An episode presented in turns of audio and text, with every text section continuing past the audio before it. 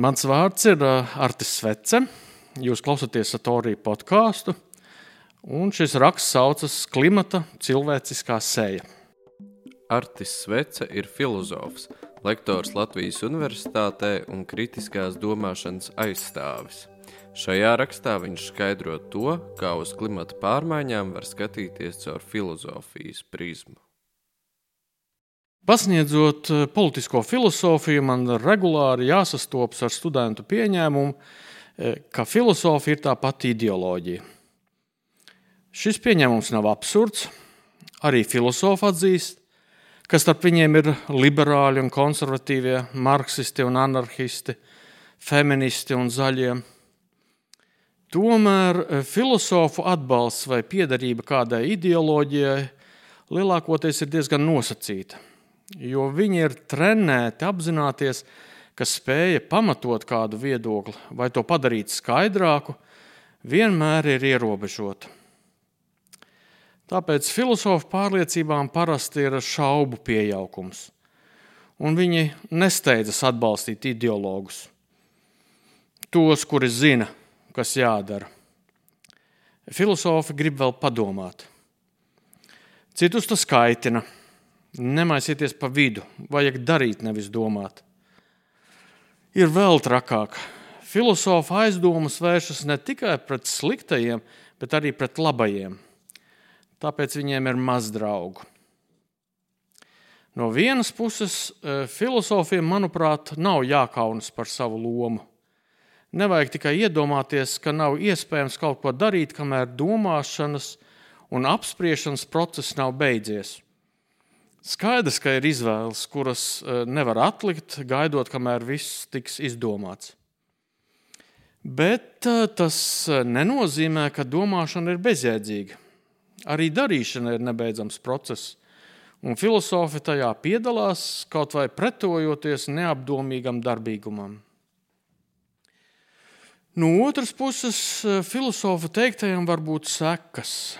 Pat draugi nevēlas iedziļināties Viņi meklē filozofu teiktajā atbalstu labajiem. Bet, ja problēma ir sarežģīta, nav iespējams izvairīties no jautājumiem un šaubām. Vai šaubas ir labo nodošana vai atbalsts sliktajiem? Neviens ne otrs, bet ej nu iestāsti kādam kā izteikt šaubas, nenokļūstot kādas ideoloģijas atbalstītāju kompānijā. Globālā sasilšana ir sarežģīta parādība. Ne tikai tāpēc, ka tā nosauc vārdā sarežģītus un kompleksus dabas procesus, lai gan arī šāds raksturojums nav nepareizs. Tā ir sarežģīta, jo kā atvars ieraus sevī gūzmu ar tēmām, kuras tālu pārsniedz tradicionālo dabas zinātņu un faktu jomu. Pirmkārt, jāatgādina, e, ka publiskajās diskusijās regulāri tiek sapludināti jautājumi par to, vai globālā sasilšana notiek, kas ir tās cēloņi, un vai cilvēku darbība ir galvenais cēlonis. E, šie jautājumi ir saistīti, bet nav identiski. Jautājums, vai globālā sasilšana notiek, e, salīdzinoši ir primārs un vienkāršāks, bet tas nenozīmē, ka tas ir vienkārši. To, vai vidējā temperatūra uz Zemes šobrīd pieaug, e, nevar konstatēt, paskatoties termometrā. Tāpat vārds pieaug prasa salīdzinājumu laikā, bet dati par teiksim, 200 gadu senu pagātni nav iegūstami tādā pašā veidā kā šobrīd. Tam vajadzīga gana sarežģīta secinājuma virkne. Galu galā e, jāatbild uz daudzkārt uzdoto jautājumu, kā mēs varam zināt, ka pašreizējās izmaiņas temperatūrā nav cikliska parādība, un vai nepastāv iespēja, ka pēc relatīvi neilga laika temperatūra atkal sāk pieaugt. Ar cēloniskiem jautājumiem ir vēl sarežģītāk. Cēlonis nav konstatējams vienkāršā novērojumā. Ir nepieciešams gana sarežģīts pierādījuma process, lai noteiktu, kurš no iespējamiem cēloņiem ir īstais. Pētījumi uzrāda, ka globālā sasilšana ir viens no vispolitizētākajiem zinātnes jautājumiem. Vismaz ASV kur arī veikts vislielākais skaits pētījumu, konservatīva nostāja politiskajos jautājumos korelē ar attieksmi pret globālo sasilšanu. To pašu nevar teikt par cilvēku attieksmi pret zinātni kopumā, vai pret tādiem jautājumiem kā potēšanās vai ģenētiski modificētā barība. Te politiskā uzskati nav īpaši nozīmīgi. Attieksme pret zinātni vairāk ietekmē reliģiskie uzskati, bet attieksme pret ģenētiski modificēto barību vairāk atkarīga no vispārējām zināšanām e, dabaszinātņu laukā. Kāpēc globālā sasilšana ir tik politizēta? Visticamāk, tā ir daļa no pašreizējiem kultūra kariem, kuros mēģinājumi ierobežot cilvēku pieeja dabas resursiem, Eh, tiek skaidroti kā privileģētās, izglītotās, savā burbulī dzīvojošās elites kārtējais uzbrukums tautai, lai kas ar to būtu domāts. Protams, um, globālās sasilšanas nolīdzēja argumenti lielākoties ir ļoti naivi. Tā skaitā ASV prezidenta Donalda Trumpa reakcija uz augstuma rekordiem Ņujorkā. Viņš kārtējā tvītā uzdeva jautājumu, kas noticis ar globālo sasilšanu. Drošības pēc piebildīšu, ka no tā, ka konkrētā vietā, konkrētā laikā ir neparasti zema temperatūra, nekas neizriet attiecībā uz vidējo temperatūru uz Zemes. Tomēr šim naivumam fonā ir vērā ņemama atskārsme. Cilvēks parastais saviem spēkiem nevar pārliecināties ne par globālā sasilšanas esamību, ne par to, ka to izraisījusi cilvēku darbība. Lai tam noticētu, viņam ir jāuzticas zinātniekiem, un vismaz klimata pētniekiem viņš neusticas. Tieši tāpēc e, sasilšanas noliedzēja jautājumu par globālās sasilšanas esamību jauc ar jautājumu par cēloni. Otrais it kā ir galvenais. Ja sasilšana notiek neatkarīgi no cilvēku rīcības, tad dažādi nepatīkami ierobežojumi vai aizliegumi ir velti. Bet arī pirmais ir svarīgs. Tas liek apšaubīt zinātnieku autoritāti. Varbūt nekādas globālās sasilšanas nemaz nav, kā gan mēs par to varam būt tik droši. Šo attieksmi var viegli noraidīt, bet tā ir simptomātiska. Varu pievienoties Māra Kūļa izbrīnam par naivumu, ar kādu dabas aizstāvi slavina zinātni. Tas, ka zinātnieki, tā skaitā dabas zinātnieki, neatrodas ārpus sociālajām, politiskajām un ideoloģiskajām attiecībām, ir simtiem reižu malds dažādu filozofu un sociologu darbos vismaz gadsimtu. Globālā sasilšanas noliedzējiem šī atziņa ir pašsaprotama. Diemžēl paši zinātnieki nereti sajauc zinātnes ideālu ar realitāti, un šaubas par viņa objektivitāti un neutralitāti uztver kā tumsonību. Viņi mulst un nesaprot, kāpēc cilvēki ignorē zinātnieku brīdinājumus un turpina izturēties tā, it kā ekoloģiskā katastrofa uz viņiem neatiektos. Globālā sasilšana ir uh, cilvēciska parādība. Tajā ierakstīts bagātīgs kultūras mantojums. Kaut vai atsaukšanās uz ekoloģisko katastrofu, mēs apzināmies, ka tā ir klišeja, retorisks strops, Ekokritiķi ir sīki aprakstījuši apakaliptisko tēlu, reliģisko un literāro bagāžu, bet pat zinātnieki nespēja no šiem tēliem atteikties. Tās ir uh, viltīgas lamatas. No vienas puses, atsauces uz katastrofu ir uh, saprotams. Tās palīdz cilvēkiem iztēloties to, ko viņi tieši uztvert uh, nevar. Jo globālā sasilšana ir kaut kas, kas stāv ārpus ikdienas pieredzes robežām. Pašreizējā ekokritikas zvaigzne un filozofs Timotejs Mortons to pieskaita pie hiperobjektiem. Bet uh, vienlaicīgi cilvēki apzinās, ka katastrofas vīzijas ir tēls, tikai tēls.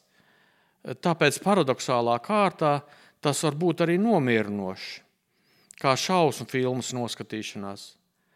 Dabas filmu veidotāji šobrīd meklē ceļus, kā apvienot dabas filmu izklaidējošo funkciju ar mm, pienākumu atsaukties uz ekoloģiskajām briesmām. Filmas par dabu kurās cilvēki neparādās un viņu darbības ekoloģiskās sekas ir ignorētas, ir mānīgas. Bet ieliekot brīdinājumus par globālo sasilšanu, problēma netiek atrisināta. Izskatās, ka vēstījums par ekoloģiskās katastrofas draudiem šobrīd ir sasniedzis teju vai visus, bet e, kaut vai tajās pašās dokumentālajās filmās šis vēstījums kļūst par kaut ko analoģisku Ļeņina citātiem, jebkuras grāmatas sākumā PSRS laikos - obligātu nodevu, un cilvēki spēja ar šo nodevu sadzīvot. Keita Rigbija norāda, ka dabas katastrofa ir samērā jauna ideja. Līdz apmēram 18. gadsimtam vētras, plūdi un zemestrīces tika interpretēti kā jēgpilnas parādības, kuras notiek saskaņā ar dieva mērķiem. Viens no notikumiem, kas ietekmēja attieksmes maiņu, bija Lisabonas zemestrīce 1755. gadā. Tā bija tik postoša, ka daudziem šķita neiespējami to attaisnot ar dieva gribu vai sodu. Apgaismības laikmeta domātāji pamazām pārinterpretēja šāda veida parādības kā neracionālās un nepielūdzamās dabas izpausmes. Bet šis skaidrojums iekļāvās citā pasaules skatījumā, ko vesela virkne mūsdienu domātāji uzskata par tādu pašu kultūras parādību un cilvēcisku interpretāciju kā iepriekšējās. Proti, runa ir par uzskatu, ka dabas pasaule ir nošķirta no cilvēku pasaules tas var izpausties dažādos veidos. Uz to atsaucas, kad vēlas attaisnot dabas izmantošanu cilvēku labā. Eh, daba eh, ir tikai objekts, materiāls cilvēka vajadzībām, gan arī, lai to aizsargātu. Ir jāaizsargā daba, kas vēl nav samaitāta, bet tā daba, kurā ir iejaucies cilvēks, vairs nav glābjama, vērtīga, apbrīnojama. Timotejs Mortons, Timotejs Klārks, kurš raksta par postdabu, Viljams Kronons, kurš kritiski analizē neskārtās dabas jēdzienu, un daudzi citi uh, aicina atteikties no cilvēka un dabas nošķīruma un atzīt, ka vismaz šobrīd, un vismaz uz Zemes, neskārtas ārpus cilvēku pasaules pastāvošas dabas nav. Vienlaicīgi viņi uzskata, ka šis nošķīrums ir dziļi iesakņojies gan dabas zinātnieku, gan dabas aizstāvju skatījumā uz dabu. Tā skaitā arī izpratnē par globālo sasilšanu. Antropocēna, jeb cilvēku laikmeta jēdziens, šobrīd ir eh, populārs. Un vārdos atzīstam, ka dabas pasaule vairs nav nodalāma no cilvēku pasaules.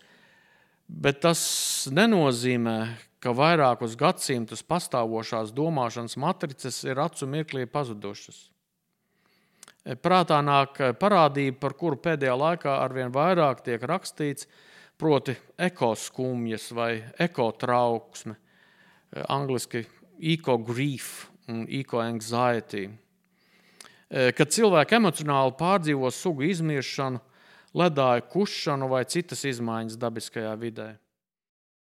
Lai gan reakcija ir pietiekami saprotama, tā tomēr šķiet balstās noteiktā priekšstatā par dabu, kurā pārmaiņas nav pašsaprotamas. Stabilitāte ir droši vien iedomāta, bet norma, un kura pastāv kā nemainīgs, nevēsturisks fons cilvēku darbībai, jeb vēsturei. Tās ir tradicionālā cilvēka un dabas nošķīruma iezīmes. Rīgbija norāda, ka starp intelektuāļiem, kuri reaģēja uz Lisabonas zemestrīci, bija arī tādi, kā piemēram Žans Žaks Ruso, kuri norādīja, ka zemestrīce nav nošķirama no sociālās pasaules. Katastrofāla zemestrīce ir iespējama tikai tad, ja ir pilsētas un apbūves pilsētās ir tādas, kas padara dzīvi tajā nedrošu. Šajā versijā nepastāv pilnīgi dabisku katastrofu. Šo domu ir vērts paturēt prātā arī domājot par globālo sasilšanu. Globālā sasilšana ietekmē visus, bet ne visus vienādi. Tāpēc tā ir ne tikai ekoloģiskās atbildības vai politiskās gribas jautājums, ja? nepārprotams tas tāds ir, bet arī jautājums par taisnīgumu un solidaritāti. Viens ir pieprasīt, lai tiek slēgtas og, ogļraktuves Indijā, otrs atbalstīt teiksim, 100% nodokli visām avio biļetēm un ieņēmumus pārskaitīt Indijas bijušajiem ogļračiem. Turklāt panākt, lai nauda pie viņiem nonāk. Kad mūsu publiskajā telpā laiku pa laikam izskan apgalvojums, ka jādomā ne tikai par dabu un dzīvniekiem, bet arī par cilvēkiem, tas lielākoties tiek izmantots, lai attaisnotu dabas eksploatāciju. Tomēr šim apgalvojumam var piekrist tādā ziņā, ka aizsargāt dabu, nedomājot par cilvēku, diez vai ir iespējams. Ja zinātnieki saka, ka šis jautājums ir jārisina politiķiem, bet viņi tikai brīdina par sasilšanas sekām, globālās sasilšanas noliedzēja jautājums par zinātnieku neutralitāti ir vietā. Tad skarbie brīdinājumi par ekoloģisko katastrofu ir tikai nodeva, kas galu galā apslēpj to, ka fundamentāli neviens neko nevēlas mainīt.